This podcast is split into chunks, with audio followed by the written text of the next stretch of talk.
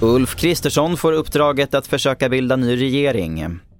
Massör misstänks för sexualbrott och fler än 2000 svenskar avled i sviterna av alkohol förra året. Det är rubrikerna i TV4 Nyheterna som börjar med att Moderaternas Ulf Kristersson får uppdraget att försöka bilda ny regering. Och så här säger talman Andreas Norlén efter att ha träffat partiledarna i riksdagen. Ja, jag har träffat partiledarna och det har eh, lett till att jag idag har nominerat Ulf Kristersson eh, att sondera förutsättningarna för att bilda en regering som kan tolereras av riksdagen. Tror du han kan det?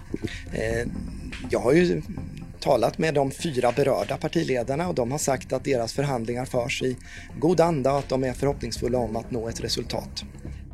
Fler än 2000 svenskar avled i sviten av alkohol förra året.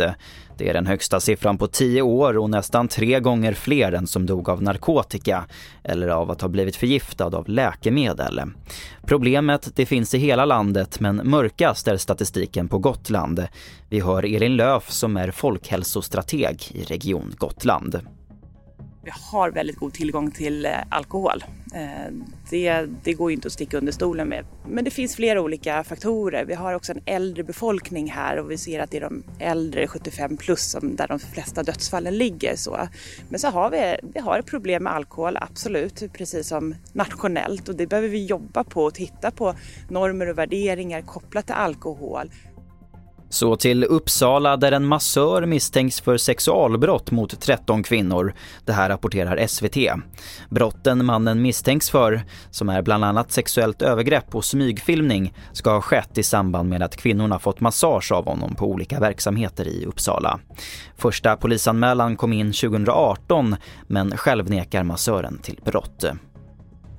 Och vi avslutar i Storbritannien där begravningsceremonin för drottning Elisabeth II idag hölls. 2200 personer var inbjudna till ceremonin i Westminster Hall, bland dem det svenska kungaparet.